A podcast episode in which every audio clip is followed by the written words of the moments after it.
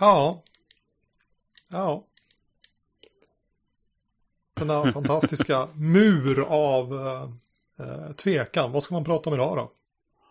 Ja. Så att... Eh... Nej men skulle man eh, prata om, eh, om rollspelsåret 2007, eller 20, 2007 menar jag. Tio år sedan liksom.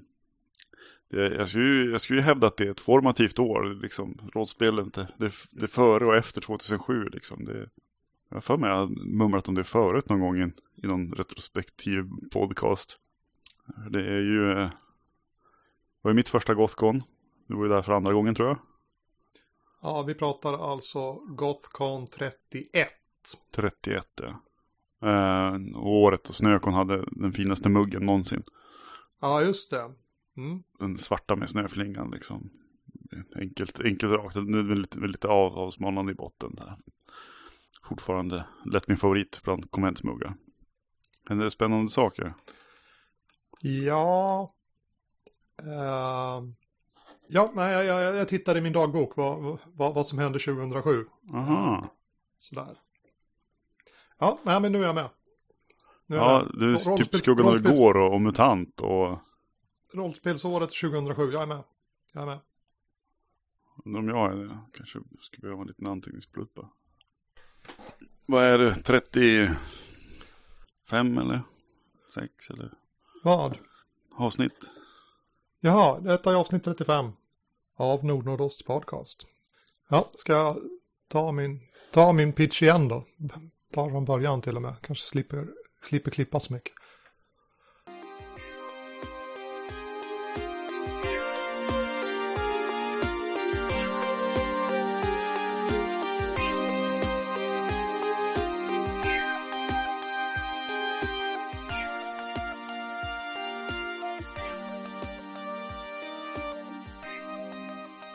Jag heter Wilhelm och det här är det 35 avsnittet av Nordnordost podcast. Med mig i studion har jag Anders. Hej! Yes, tjena tjena. Och vi tänkte på 2007. Rollspelsåret 2007. Så, något sånt? Något sånt. Som du då menar är transformativt för dig som rollspelare. Absolut. Det är före och efter 2007 på något vis. Det hände, hände mystiska, märkliga saker där. Nej, men det var det där året så då Snökon var så himla bra så att jag var tvungen att åka på, på Gothcon. Jag hade ju varit året innan på Gothcon XXX liksom. Men, jag vet inte riktigt. Det var inte, det var inte stjärnorna för mig det året men eh, på Gothcon 31 då, då skulle jag som bara dit. Sen dess alla år förutom det året jag verkligen inte kunde liksom. Men det var 2007 var ju året då Snökon hade den snyggaste muggen någonsin. Den svarta med som smalnade av och hade bara snöflingan liksom. Och... Ja, den är eh, helt enastående. Den är dessutom inte sådär blank som till exempel Gothcon och Lincoln-muggarna utan den är lite frostad i ytan. Mm. Så man har, man har bra grepp. Mm. Och man får inte några störande reflexer när man spelar. den, den perfekta rollspelsmuggen. Ja, ja, kanske det. Uh, jag kan tänka mig en hel del som tycker att den borde vara mycket större för att det ska vara perfekt. Men, men ja, jag har inget klagomål på, på det. Det är Snökon. Kan det vara tredje året vi var på Snökon och spelade hösttimmar? Eller det fjärde året vi var där? Eller? Uh, 2007 Snökon. Det är det tredje Snökonet där höstdimman sätts upp. Vi spelar den tusende sonen. Just, just ja. Eh, vinnare i turneringen är på första plats då Ancilla Aura et Cordes. Andra plats besökare och tredje plats laget Mythbusters. Gratulerar efterskott. ja, det är året som eh, eh, som blivande eh, teaterprofiler slog mig i huvudet på, på eh, medan vi spelade. Ja. Visst är det så att du hade en regel där att om man, om man ställer sig upp så är det live? Ja, ja precis. Ja, det, det här, teaterorienterade sävarspelare liksom. De eh, hoppar ju upp och viftar med pekpinnar och sådär. Och det var ju inte meningen att slå mig och det var mina, det är mina kompisar så det var ju som ingen fara. men, eh, men eh, för att vara för att vara bordsrollspel så gick det vilt till. Ja, det var ju den här kidnappningsscenen någonstans där va. Som, som skulle eh, bli av. Ja, just det. Mm. Behöver kanske inte spoila äventyret då, men ja, det är väldigt dramatiskt där ett ögonblick. Mm, mm, mm. Nej, precis. Man, man ska ta det försiktigt med att spoila tio år gamla äventyr. Mm. Ja, precis. Men tredje året av höstdimma var inte heller allt som hände 2007. Och inte heller Gothcon 31. Nej, Utan- just. Mer saker hände. Vi spelade The Shadow of Yesterday. Mm. Precis. Det var ju, det var ju alltså rent krasst bara fem spelmöten. Men som, som kampanj sett och vad som hände och eh, bagaget efter det på något vis. Eh, var ganska tungt. Alltså, inte på ett negativt sätt utan det var en grej liksom. Det är väl eh, kanske det, den spelomgången som vi oftast refererar tillbaka till som, ja det här var bra. Mm. Ja, jag tror det. det. Det kanske hänger ihop lite grann med att vi faktiskt liksom... Du skrev lite sammanfattande, vi krönikade lite grann på rollspel.nu. Och det blev ju lite artefakter kring det där som, som John till exempel gjorde. Det blev ju brev och sånt där skrivna va? Mm. Ja, det var väl ganska många, det som jag med yrkesspråket idag skulle kalla best practices. Eller så här, vinnande tekniker. Som vi nog var medvetna om tidigare på något vis, men vi verkligen, som vi verkligen körde som, så här ska vi göra, så här ska vi göra, så här ska vi göra. Och vi hade medveten diskussion om, så här ska vi spela rollspel. Mm. Och sen spelade vi rollspel på det viset och vi använde de här teknikerna som vi hade diskuterat.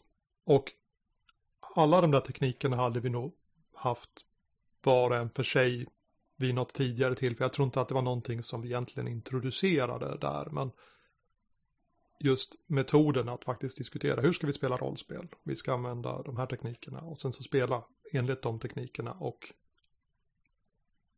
det blev bra. Mm. Det som eventuellt skulle kunna ses som nytt i mixen det är väl just spelet. Alltså att vi använde Shadow of Yesterday. Det som blev Solar System sen. Då finns den här XP-strukturen som, som, som pushar mot drama på, på olika vis.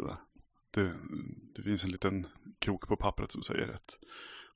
Som jag som till exempel så hade ju, hade ju mitt syskon med i spelet och då hade jag ju liksom den här grejen som kommer i XP när vi är tillsammans i samma scen. Eller när jag gör val som är väldigt beroende av vad mitt syskon tycker eller hur det ska bli för någonting sådär. Eller, eller om jag säger du är inte min bror. Då får du massor med XP. Ja, då får jag massor med XP. Så det var ju gött. Och så var det ju var ett väldigt fint tillfälle som bjöds också. Jag säger det bara, jaha, vi har förrått oss till häxan. Du är inte min bror. Ja. Ah, shit. Vad coolt. Eh, ja, jag satt ju som spelledare i det där och det, det är, ska vi se, Keys heter de där va? Ja. Och de består av tre saker man kan göra i allmänhet. Några är två, men, men allmänhet tre. Nå, någonting som är i nyckelns riktning, till exempel du var syskon med en annan rollperson. Om ni är i samma scen får du ett erfarenhetspoäng. Mm. Och sen en som är lite, lite tjorvigare. Som att, jag kommer inte ihåg om det var att du inte håller med eller att du diskuterar någonting. Vad var det som var?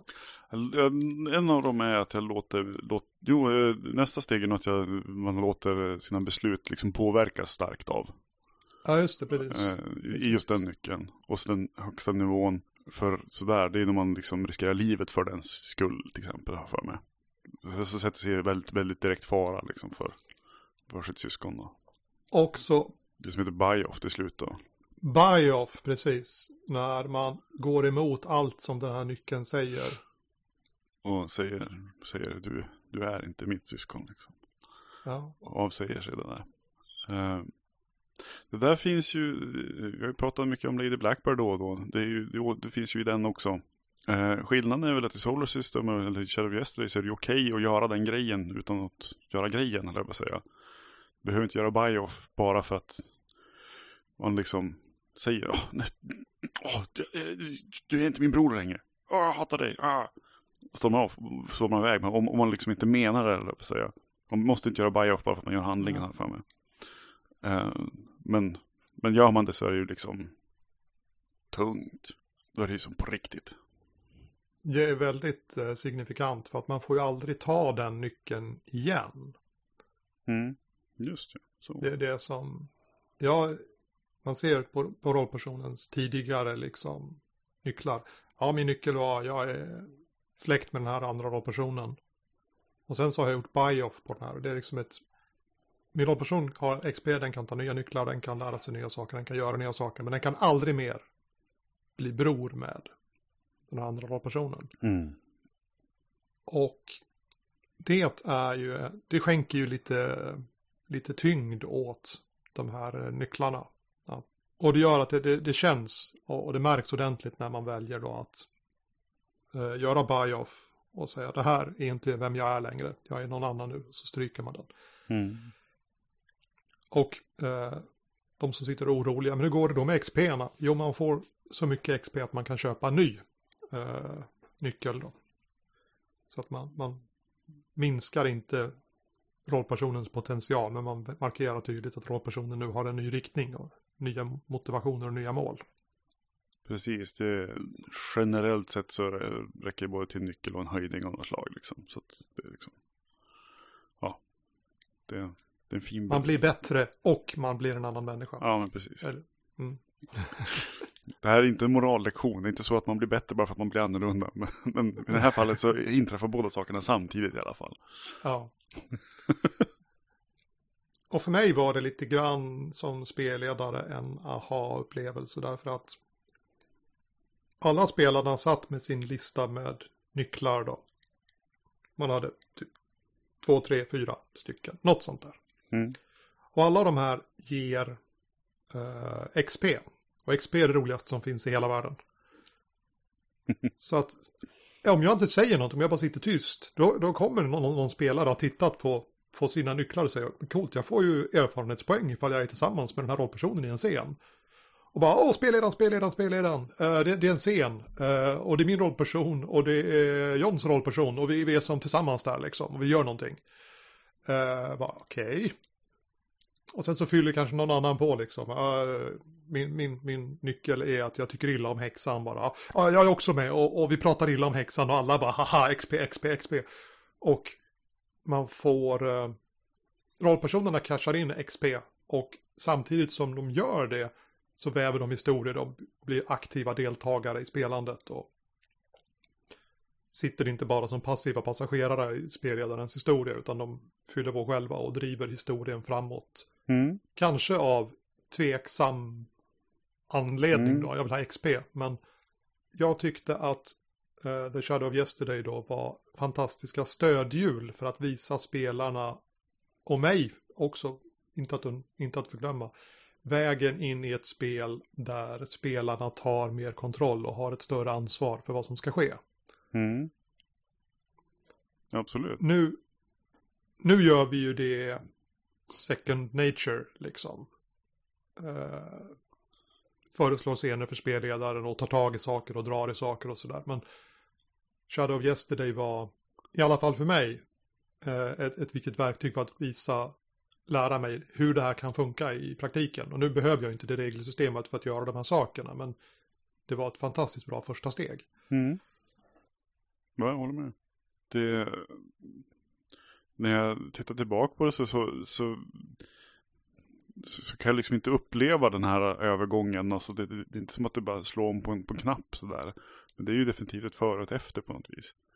Innan det så, så var det inte riktigt på det sättet. Nu har det här det här begreppet samberättande. Eh, när Johan Rising eh, myntade det ursprungligen så, så handlar det mer om att, att man spelar varandra i händerna.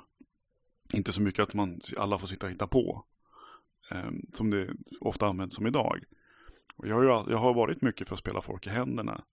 Eh, sådär. Men, men det blir en annan grej när man då dessutom spelar varandra i händerna och, och har den friheten att, att driva mer av handlingen. Och uppmuntras till det som, som man gör i, i Shadow Yesterday. Då.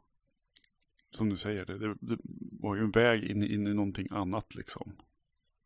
Det var, var det hösten vi spelade kampanjen? Ja, Tror du eh, tittar man på rollspel.nu så är första inlägget nionde i nionde. Just det. Och då pratar jag om igår, så att då bör rimligen ha varit då den åttonde i nionde som var första. Ja, just. Och det var, det var inte det första mötet då vi spelade, utan det var mötet då vi satte upp kampanjen. Just, ja, vi hade en ordentlig sån där Session Zero, vad det nu heter på svenska. För så här liksom. Det, men det snackade vi snackade om det i, i förberedelseavsnittet. Ja. Ja, jag tror vi gjorde det. Om eh, Eh, sitta och prata ihop sig om vad som ska vara med och inte. precis. Och det är fantastiskt bra. Ja. Nu, nu, nu när jag spelar så mycket så här enkvällsspel för att folk är eh, upptagna, vuxna människor. Då saknar jag lite grann det där att man först ordentligt sätter sig ner och pratar ihop. Vad ska vi göra? Mm. Vilka är rollpersonerna? Hur hänger det här ihop liksom? Och liksom låta det där gro och låta det sätta sig. Och sen så träffas man efter en period av väntan och så börjar man göra den där grejen för att det blir så fantastiskt bra. Eh, jag spelar ju Vampire nu och där hade vi ju möjligheten att göra det då. Att vi träffas en gång, gör uppstarten och sen så har vi då följt på och har fler möten då, då vi spelar på, bygger på vidare på det vi sa på uppstartsmötet då. Får vi göra ett inbrott och höra en, en rapport hur det ligger till med den här kampanjen eller? Ja, jo men det kan vi väl ta. För, för nytillkomna lyssnare så är det då jag och ett gäng kamrater har samlats för att vi ska spela Vampire the Masquerade Second Edition från 1992. 3. Eh, så som det står skrivet. Mm. Du, hur, hur går det med den biten? Ja, efter första spelmötet så konstaterade vi att vi kanske ska ha en spelledare till. Eh, och då blev jag spelledare och vi delade upp spelvärlden som är en stad, det är Atlanta, i eh, stadskärna och förorter Mm, och. Mattias är spelledare för saker som händer i stadskärnan och jag är spelledare för saker som händer i förorten.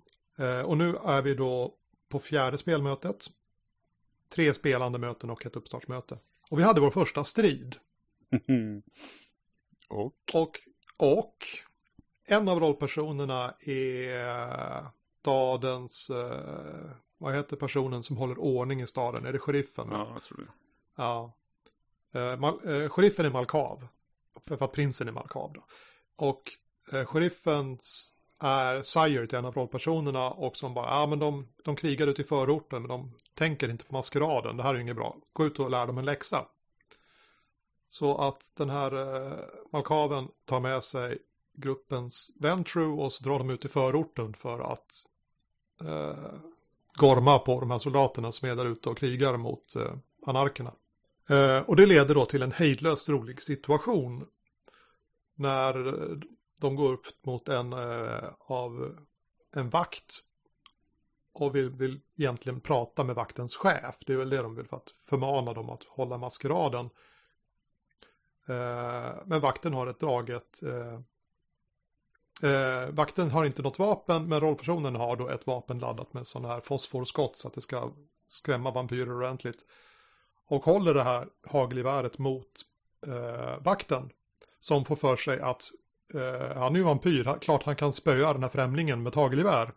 Och slår ett närstridsanfall som han fumlar. och, jag, jag, och, och då satt jag som spelledare och bara, ja, en SLP fumlar.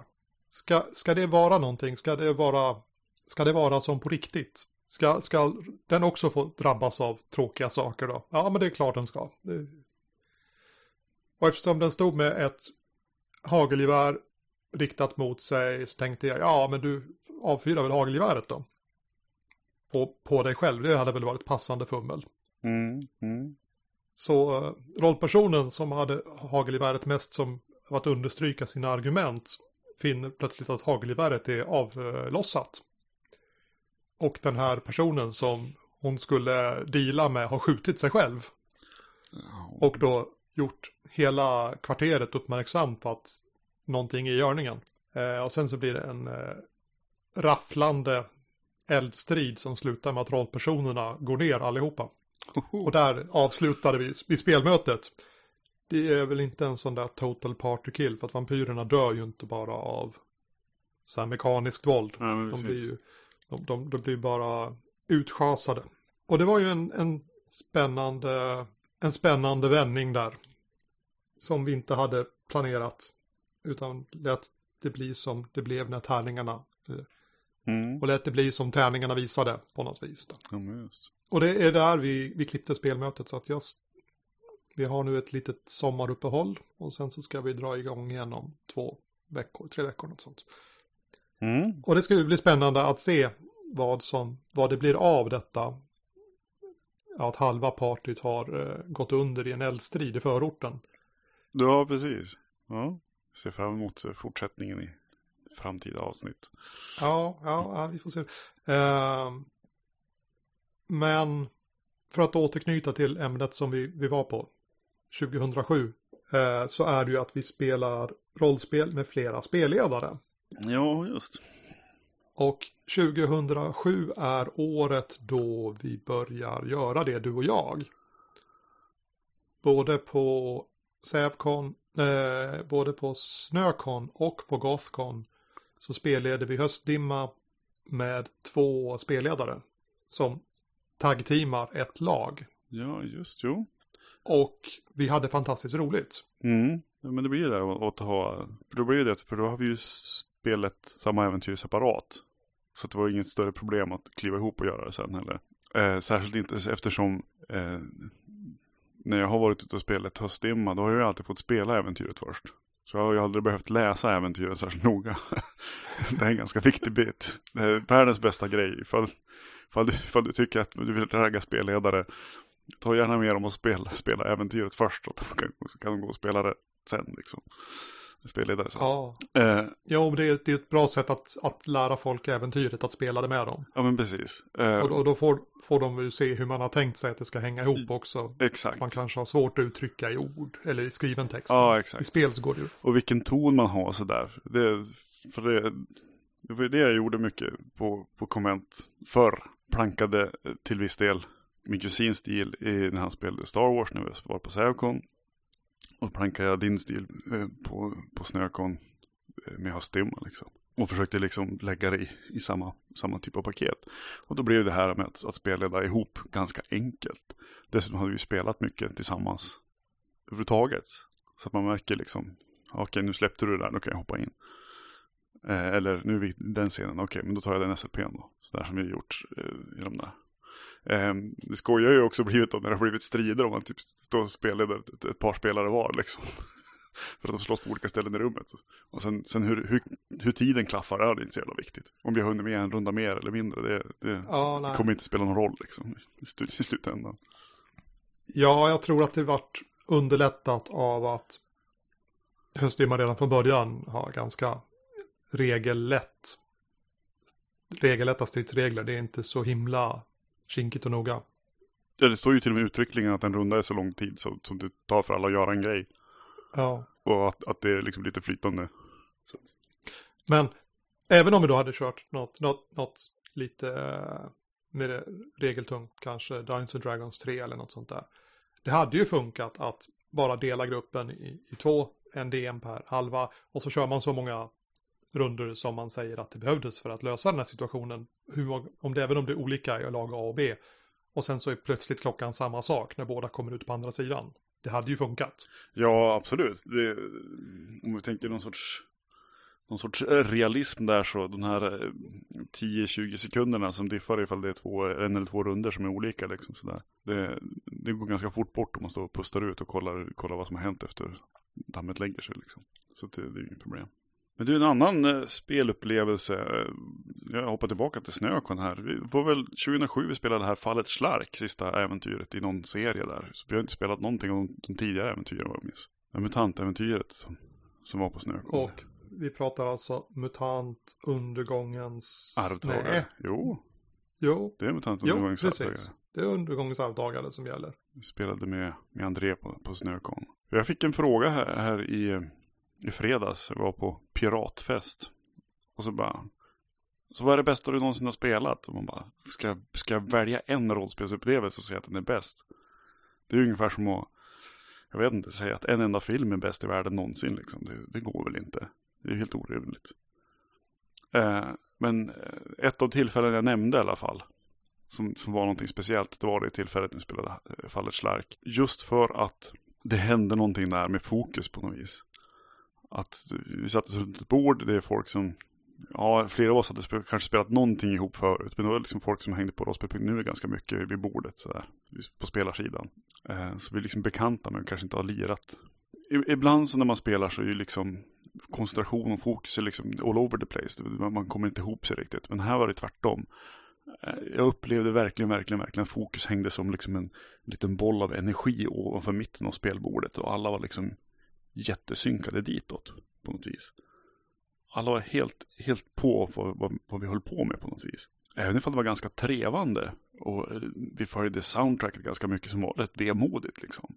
På ett lågmält spel ofta och eh, konstpauser. Minns första halvan av spelet så satt du nästan helt tyst och sa nästan bara vad du gjorde för någonting. Och små handlingar här och där som, som liksom var som jättefina så här, små inpass med kryddor på. på det, liksom, det sa mycket om rollpersonen. Men, men det var inte dialog liksom. Jag minns en del av oss andra pratade, gjorde mycket dialog istället.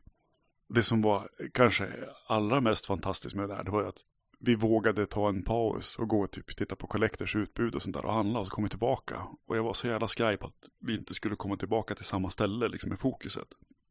Men det gjorde vi Um, det var som så tätt på något vis. Det, det, det kvittar liksom vad som hände. Utan det var liksom den här energin, alltså det här, den upplevelsen och fokus. Att de kom upp in i något sorts flow liksom. Så jag tyckte jag gjorde det så speciellt. Eh, sen var det mycket annat som var schysst också. Till exempel, jag, jag bara spelade in att jag skulle ha en kontakt i Kåkstan. Liksom. Helt plötsligt så fanns det en romantisk subplott som inte jag hade planerat.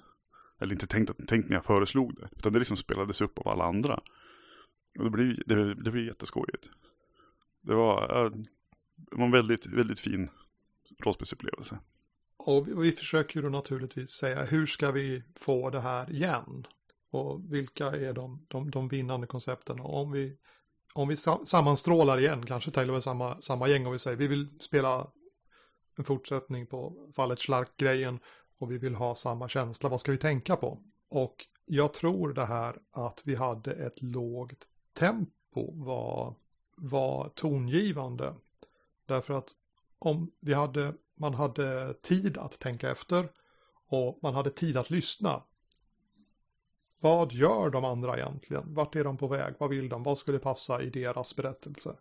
Och det hade vi möjlighet att göra för att vi gick in och alla varvade ner ganska mycket redan när vi satte oss ner. Det var inte ett högintensivt tempospel där på något vis, utan det var väldigt lugnt och mm eftertänksamt. Och det tror jag bidrog till, till stämningen. Sen så var det ju ett väldigt mysigt äventyr, det var bra soundtrack, det var eh, bra spelledare, det underlättar ju alltid. Mm. Eh, vi, vi, vi, vi litade på varandra i gruppen. Även om säger, vi hade kanske inte spelat så jättemycket, men vi eh, kände varandra genom forumet, alla var med på, ja men det här är vänner, jag, jag spelar med folk jag kan lita på, det här, eh, och alla var inställda på att det här ska bli bra. Mm. Alla hade som fokuserat, nu är, nu är jag på konvent, nu ska vi eh, spela, jag spelar tillsammans med eh, folk jag tycker om, jag litar på de här människorna, vi ska spela ett coolt grej och gick in med den attityden. Alla var med på det tåget. Det var inte någon som tänkte, men jag sätter mig ner och spelar lite grann i väntan på bussen eller uh, jag är lite för trött för att spela, jag, jag sitter här och mumsar chips medan vi spelar, utan det var mm. alla, alla var på samma, på samma spår där, samma riktning. Precis. Det, det blev kanske inte det spår som man tänkte. Jag för mig att, att, att André nämnde det någon gång. Att det blev ganska annorlunda mot för vad det kanske vad, man, vad det skulle vara. Nu vet inte jag vad det skulle vara liksom. Jag, jag för mig att det blev sådär att vi tog en liten annan väg. Eller vi kanske, vi kanske just det här med att det långsamma tempot och spelade upp eh, VM-modet i det på något vis. Eh, hela, hela konceptet är, är ju att vi sitter där på julafton eh, med, H, med H förstås, HJ, möter mutant. Och, eh, och, och privatdeckaren Harry Schlark liksom är borta och, och vi är ju hans, det, det, han är ju liksom fokus i våra liv. Han fattas oss. Jag för mig, det var bland någon av de första scenerna liksom. Eh, och det, det sätter ju tonen för alltihopa. Verkligen. Att, eh, ja, det var läckert. Riktigt läckert. Eh, något vi inte gjorde utan eh, som ibland blir, jag tycker om, om vi kontrasterar det här med, med för det här var ju ganska traditionellt spelat liksom. Ganska traditionellt spelat. Eh, det, det, är konvent så det, det är eh, den, den frihet men också den tradition där, där man är på konvent och, och, inte spelar med särskilt mycket regler. Vi rullar inte särskilt mycket tärning. Liksom. Det hände någon gång och jag tror mest att det var typ slå högt på en T10 eller någonting sånt där. Men det är då inte det här eh, när man hamnar i, i en del indie-tradition eller, eller en del eh, en del fritidsfilmstradition där man pratar mycket om vad scenen ska vara i förväg. Liksom. För det, det är ju olika hur man funkar. En del, en del tycker det är asläckert att man diskuterar i förväg vad scenen ska vara för någonting och sen spelar man scenen. För mig, då har, man, då har jag liksom tappat min energi. Då, då, då är det gjort, liksom. då är det färdigt. Här var det ju istället, och vi vet inte riktigt vad det blir, så det är ganska trevande. Och i och med att man trevar lite grann så måste man vara skärpt liksom. Och så, och så försöker man lägga in, för att man måste liksom ett pussel man lägger i realtid på något vis. Och då vill man vara lite försiktig så att den där biten hamnar bra liksom på en gång. För det är, det är en grej jag kan uppskatta. Ibland så kan det bli för trevande för mig. Alltså inte att situationen är utan att, att jag inte lyckas uppbåda energin så att när det väl är min tid att göra det inpasset så, så, så känner jag kanske inte riktigt att den där pusselbiten hamnar rätt. Eh, men det finns, finns något element i det där. Det jag upplever ibland när jag spela musik och improvisera tillsammans eller något sånt där. Eller bara spela musik ihop för att man sitter där och så måste man passa in den här lilla biten och det, det är liksom någon sorts dynamik i det där som, jag, alltså som är givande för mig helt enkelt. Och det, det var verkligen ett sånt tillfälle där man fick sitta och känna efter och eh, det finns liksom den här lilla spänningen där liksom. Jag kan gå och fylla på vatten igen om det, ja, ja, om det är så. Ja. Så kan vi återta oss ett andetag och komma tillbaka.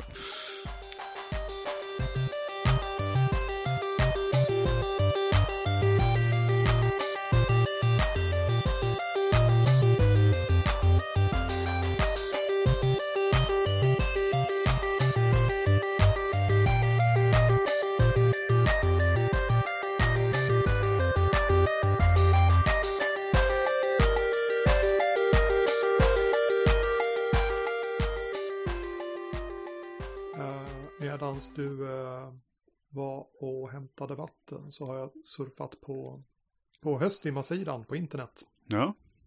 Eh, och, och tittat igenom där att 2007 är året då det sista året då jag skriver ett äventyr till höstdimma.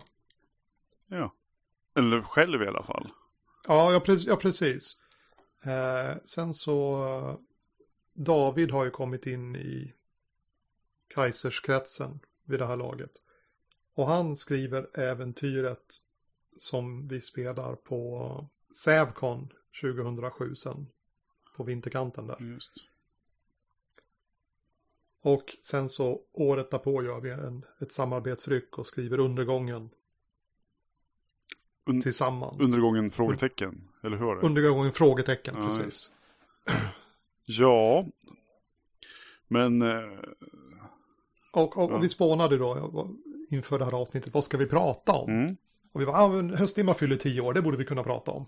Och så kikade jag i, i boken och det firar inte alls tioårsjubileum. Eh, boken, rollspelsboken Höstdimma kom ut 2008. Mm. Och då var jag mer än färdig med spelet. Det finns, fanns ju en anledning till att jag inte skrev några, några fler äventyr efter 2007. Så att kanske är det så att för mig så kom spelet ut 2007 men för resten av världen kom det ut 2008. eh, vi skyller på det. Så att det, det kanske är tioårsjubileum idag i alla fall då. Eller inte idag men i år. Och så kan vi fira igen nästa år då. När, när i, i trycket liksom. Då kom det ut. Det, jag tycker det är, det är ett väldigt schysst spel. Och jag eh, plockar fram, har plockat fram det någon gång då och då under de här liksom, tio åren. Och sneglat och kollat om jag skulle sno någonting här eller där.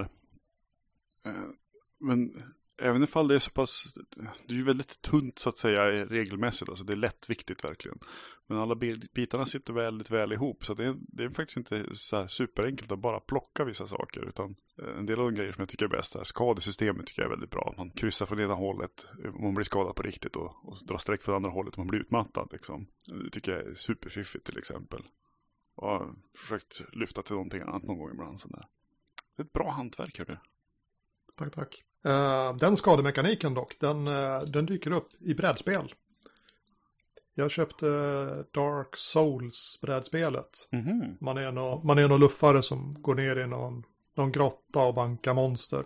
Hittar skatter och sådär. Det låter vagt bekant med, med motiv sådär. Ja. ja, ja. Det är tydligen baserat på ett dataspel som är otroligt populärt bland, bland folk som tycker om svåra dataspel.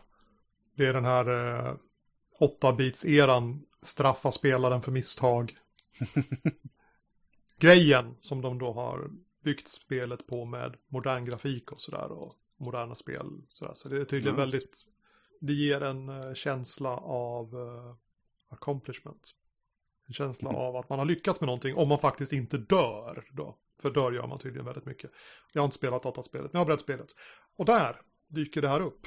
Okay. På rollformuläret så har man som stapel där man då tar, eh, tar skada från ena hållet och man kan då man kan alltid göra saker lite gratis, men om man vill göra coola saker så får man ta utmattning.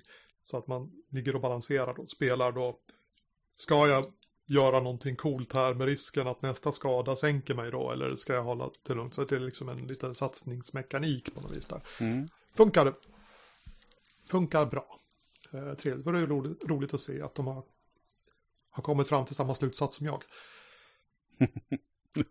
Eh, det hade ju varit otroligt coolt att säga och de har kopierat höstdimma men jag tror inte riktigt att så är fallet. Spelet sålde i 30 exemplar. Så att... ja men det, då är det ju större än Technoshock då. Ja det är det kanske och det är lite, det är lite synd för Technoshock är fantastiskt bra. Ja, det, mm, ja. Jag var på, eh, på en grej igår. Så här en, en kvälls konvent eller spelmässa eller jag vet inte vad jag ska kalla det. Eh, lång historia kort så, så var det ett evenemang som heter Spelklubben i Holmsund igår utanför Umeå. Eh, uppdraget för att det finns en, finns en lokal där att göra någonting i. Och en, en eh, kompis till mig från när jag läste till bibliotekarier är med i det där och drar, drar ihop så, grejer och sånt där. Och tyckte att det skulle göras någonting. Och eh, med mig hade jag Jojons packning så låg Technoshock. Så jag blev jätteglad när det kom upp på bordet.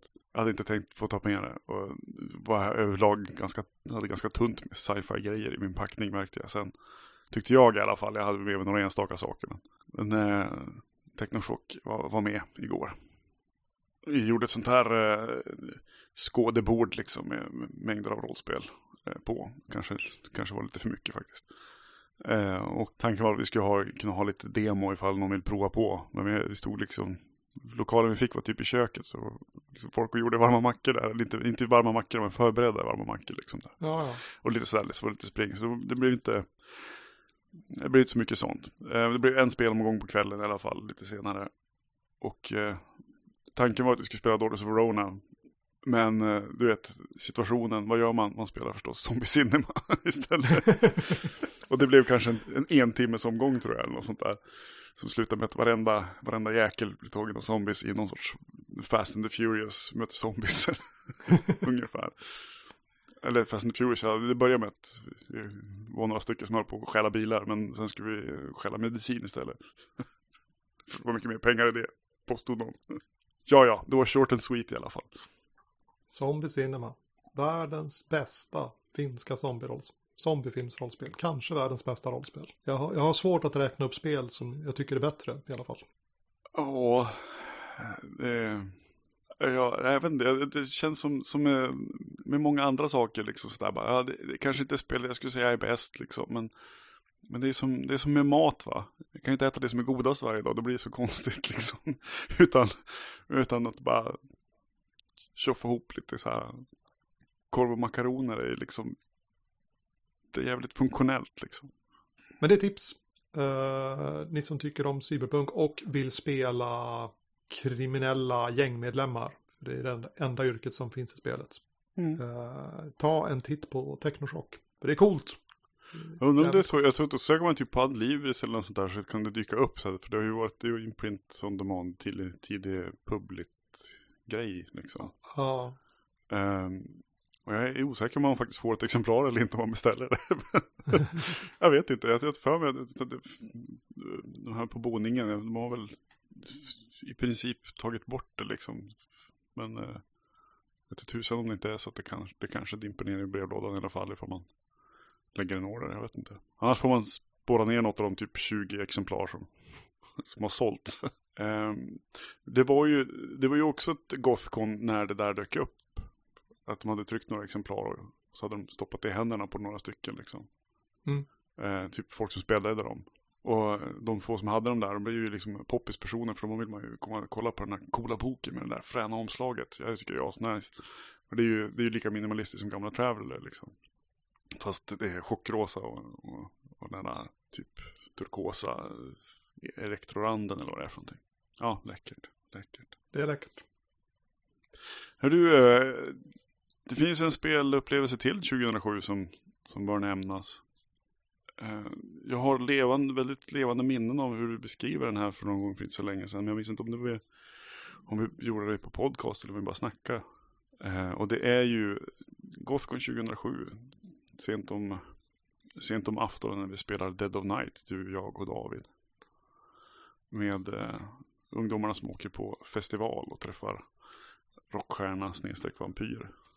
Ja, Dead of Night. Det har kommit en ny utgåva nu eh, som är lite mer omfattande. Men vi spelade då den första utgåvan. Mm.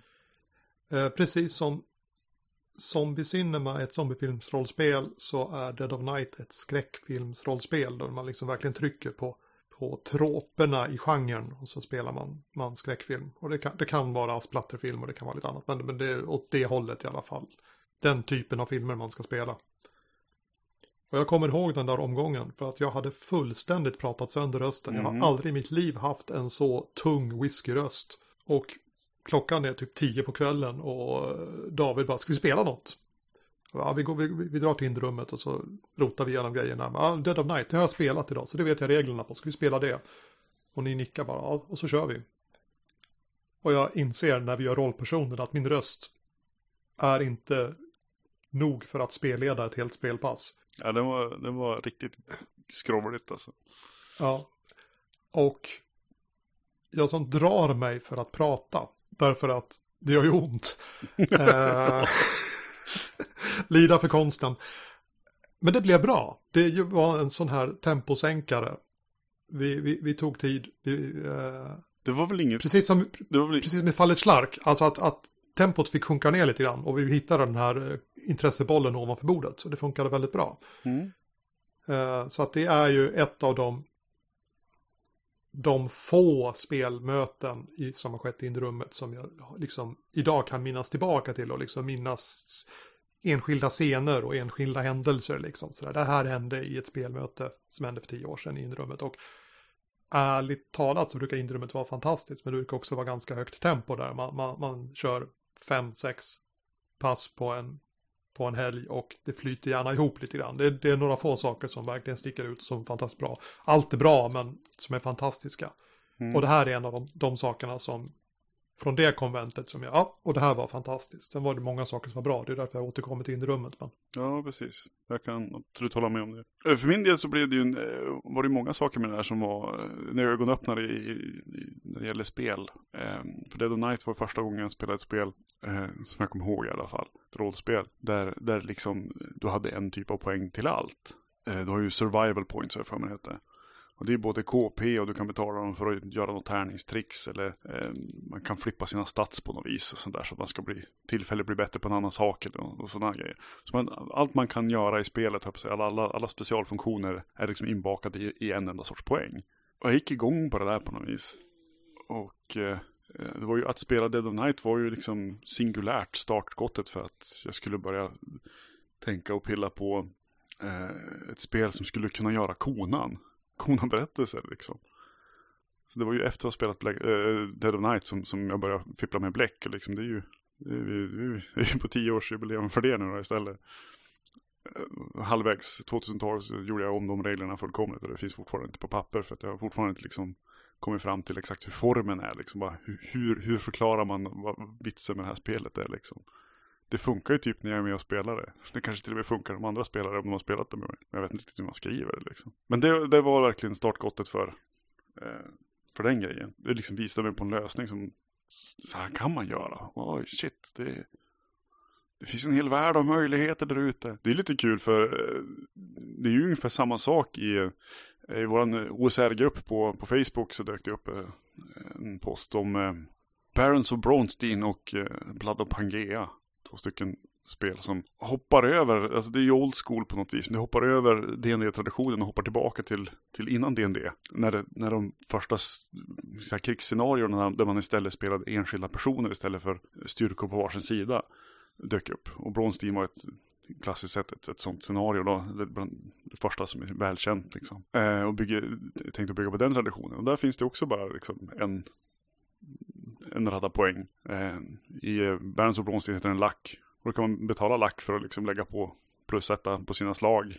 Eh, man slår 2 T6 och behöver liksom komma upp i någonting vettigt för att det ska bli någonting. Eh, men man betalar också lack för att överleva för att man blir träffad.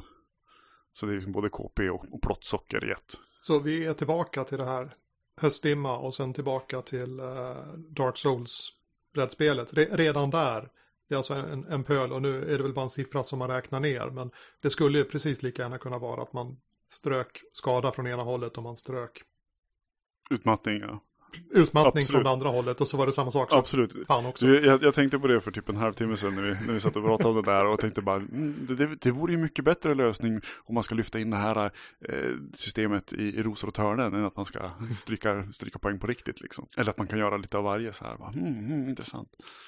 Jag är hemskt mycket inne i huvudet i, i det här Berns och Bronstein och, och Blood Pangea och tycker hur kan, jag, hur kan jag snatta det här på något vis. Eh, jag, jag tycker jätteförtjust, jag måste få prata om det här spelet lite till. Eh, jag är så förtjust, i ena, i ena Berns och Bronstein står det du ska skriva 25 ord om din rollperson och i Blood Pangea står det att du ska skriva 30 ord om din rollperson. Och det är så man skapar roller, punkt. Eh, men ibland Blood Pangea till exempel har man 30 ord. Eh, på det så kan man liksom få in, det är liksom man skriver bakgrunden på sin rollperson på något vis. Och då ska man få in någonting man, man kan, eh, som är mer en fysisk grej en färdighet. Det ska man också få med. Och så eh, någon sorts kunskaps eller så här, kunskapsfärdighet kanske på något vis. Eh, nu säger jag färdighet så låter det väldigt så här strikt. Men tittar man på, på, en, på ett exempel rollpersonen där så var det liksom. Ja det här är Aja tror jag hon hette liksom. Eh, och hon har växt upp så här och hon är pirat. Och gjort det här och gjort det här liksom. På 30 ord. That's it. I och med att det står att okej, okay, hon håller på med att vara pirat sådär. Då, när, när Aja ska slå för att göra piratgrejer, då, då blir liksom svårigheten ett steg lägre. För någonting som är väldigt relevant liksom till det. Och annars är det liksom bara, ja, du ska slå sju, eller du ska slå nio, eller du ska slå tolv. För att lyckas med någonting. Och i vanliga fall kanske du, nu tänker att, ja men det här kanske är svårighet sju för någon som inte är tränad i det här. Du som, du, den som inte är pirat, men då är det svårighet sju då istället för för Aja som är pirat. Och hade det varit något som är svårighet 7 för någon som är otränad. Och då är det bara, nej, du behöver inte slå för du kan ju det här. Och det känns jättebefriande på något vis. Man bara yes, det här vill jag ha. Skriv 30 ord under din rollperson och så börjar vi spela. För det är en eh, lösning jag har varit sugen på lite annat. Det här eh, gamla, eh, eller gamla, inte, jag höll på att säga Hero Quest heter det. Eh, så inte brädspelet utan rollspelet Hero Quest det här som har varit ihopkopplat med Gloranta en del, den här Blomquist-världen. Där finns det också en sån där, där har du mest skrivit hundra ord om din rollperson och så stryk under saker som är nyckelord. Nyckelord är en grej i spelet liksom. Det är sånt som, sånt som man sätter siffror på. Imponerande skägg, 17. Det är helt rimligt att ha i, i det systemet liksom. Men här är det bara, det står ju faktiskt här att du är bra på det här. Alltså, alltså blir det här slaget lättare för dig. Det är någonting med det som jag tycker är jätte, jätte, jätte attraktivt. Så det här, eh, det här kanske får bli startskottet då till att faktiskt göra någonting med Rosor och Törnen då. Det hade ju varit coolt. Ja, jag är som ganska sugen på att komma någonstans med den här. Jag har ju fått eh, händerna på Blue Rose nu. Eh, det här är ju helt osammanhängande för den som inte mitt, eh, sitter i våra huvuden. Eh, men det finns ju, det finns ju, fanns ju ett eh, spel som kom för, jag vet inte, det är ju över tio år sedan tror jag, eh, som Blue Rose kom. Eh, som då är, istället för att det är liksom gritty och, och mörk fantasy så är det liksom romantisk fantasy. Det, det, är liksom mer pastelltoner, det är mer ett positivare världsbygge liksom i åtminstone i landet man normalt spelar i liksom. Man slåss för gott och, och, och, och jämlikhet och, och sådär. Eh, ungefär. Eh, och det har kommit en ny utgåva som kickstartades.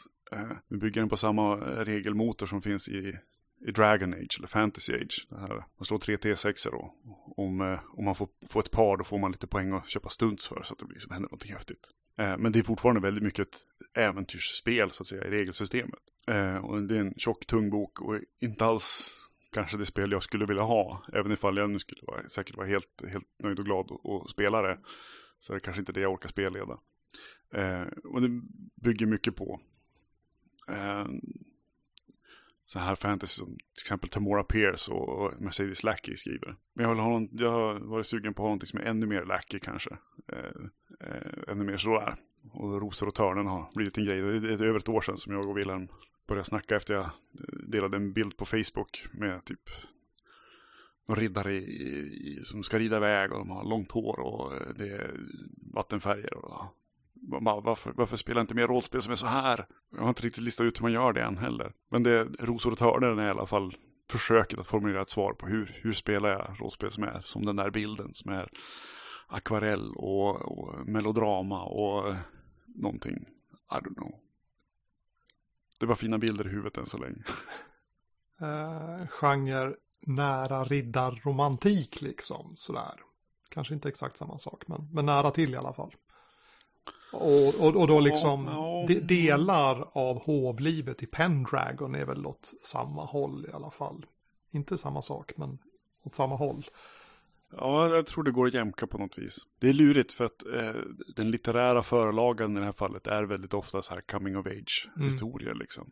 Men sammanhanget runt omkring, om man inte spelar om man inte spelar ungdomarna som är huvudpersoner i, i böckerna Eh, då, då, då är de med i ett helt annat, helt annat typ av socialt sammanhang. Liksom. Och då närmar vi oss mycket mer alltså, det, det, något typ av hovliv. Liksom. Så det är typ, jag vet inte, Pendragon, eh, hovliv, fast, fast yrkesuppgiften är att vara, vara en godhjärtad eh, rättsskipare alla Dogs in the Vineyard, fast, fast utan att behöva ha ångest och tonåring. Eller vänta, ångest och tonåring hör ju också hit. Men, men, åh, mm. ja, precis. Mm. Bitarna är inte på platsen. Vi har lite backstory, fluff och sånt där till, till världen i alla fall. Ovanlighetens skull så har mitt, eh, mina spelfunderingar liksom, i det här fallet eh, kört fast mycket i världsbygget. Pappa, det måste hänga ihop lite grann, annars, annars, annars fattar jag inte vad jag håller på med. Jag brukar ju vara så nöjd med bara bygga kulisser annars. Uh, klockan börjar mycket, vi börjar kanske bli dags att runda av. Men en, en sak till tycker jag vi ska prata om. Vi ska prata om, om, om CM77. Ja, absolut. Cyber M77, vad som är nytt och coolt där. Uh, jag har gett mig den artificiella deadlinen att de bilderna som jag har beställt av Elisabeth, när de är klara, då är texten klar. Vilket skick den nu råkar vara i, liksom. Och, och, och, i den takten, den, den, takten som hon jobbar så misstänker jag att jag har ungefär en månad till då och jag har precis gått på semester. Så att det, det, blir, det kommer nog tajmas ganska mm. bra. Och nu skriver jag spel i det här kapitlet. Så spelar du rollspel. Och det är ju intressant att skriva. Och eh, eftersom vi pratade om höstdimma tidigare så har jag gått och läst Så spelar man rollspel som jag skrev då för tio år sedan. Och det är, eh, ja, det är fantastiskt insiktsfullt. för, för, förmodligen det bästa så spelar man rollspel eh, avsnittet som finns i hela världen. Men det är roligt att läsa för att den säger det här är den människa du var för tio år sedan. Så här trodde du att man spelade rollspel. Mm. Och jag jämför sneglar mot eh, anteckningarna i, i CM77-kapitlet och säger att jag tänker på helt andra saker. Det är som det är eh, andra saker som jag, jag tänker på att det här är viktigt att man gör när man spelleder. Och ändå är spelen i samma fåra på något vis. Lite, lite lättviktigare, lite traditionellt, lite spelledare, spelare, Sådär, sådär så, så, så som rollspel ska vara egentligen. Liksom. Och det är, det är fantastiskt roligt och eh, intressant att, att, att jämföra hur, hur jag har som förändrats som rollspelare, kanske som människa under de här tio åren. Jag önskar att jag hade skrivit fler spel så långt att jag kunde läsa om hur man skulle spela dem när jag var yngre. Så att jag kunde backa ytterligare hopp bakåt mm. i tiden och, och jämföra. Ja, det måste vara... Det hade ja, varit coolt. Det måste vara ganska intressant. Ja. Du, eh, det här eh, cyberkapitlet, har det växt på sig någonting sen senaste speltest? Nej, det finns nog, om, om det senaste så är, då är vi nästan, eh, då kan vi vara tre veckor tillbaka i tiden ja, eller något sånt där. Uh, nej, jag har inte varit där. Jag tycker de, de grejerna som finns där, de spänner upp hur det skulle kunna vara. Jag tror att man med dem kan göra de prylar man själv saknar. Och sen så är det ju coolt att läsa om, om, om cyber och krom liksom sådär. Coolt att sitta och välja, men att skriva de där sakerna, det är som att skriva färdighetslistor i rollspel och det är då, för den som inte visste om det, det tråkigaste i hela rollspelsmakandet. Ja, det är ungefär så. Och, och, och, och ett tungt, tungt vägande skäl till att skapa rollspel som inte har färdigheter. För att skriva färdighetsbeskrivningar i rollspel, det är, det är döden. Harfert som skrivit eh, saga och fantasy och sådär, han, eh, han eh, dras ju främst för eh, magisystem. För, för spell, spellistor i Sverige. Så. Ja, ja det, det, är samma sak där. Så, han skippade ju färdiga besvärjelser i, i fantasy först. Sen har det väl krypit in i alla fall för att ah, behöva hitta på. Ah. Jag känner lite grann samma sak med det där cyberkapitlet. Ah, nej, kan jag inte få, kan inte få tolv grejer till. ja, ja. Det blir läckert att se vad det blir för någonting. Ja, men då har vi både varit i, eh, i forntiden 2007, nutiden 2017 och så nästan i framtiden. År 77. Ja, det kanske är, är bra så. Ja, jag tror det. Och återgå till att känna att det är söndag. Ja, jag har ju semester. Så jag har söndag hela veckan. そこの秋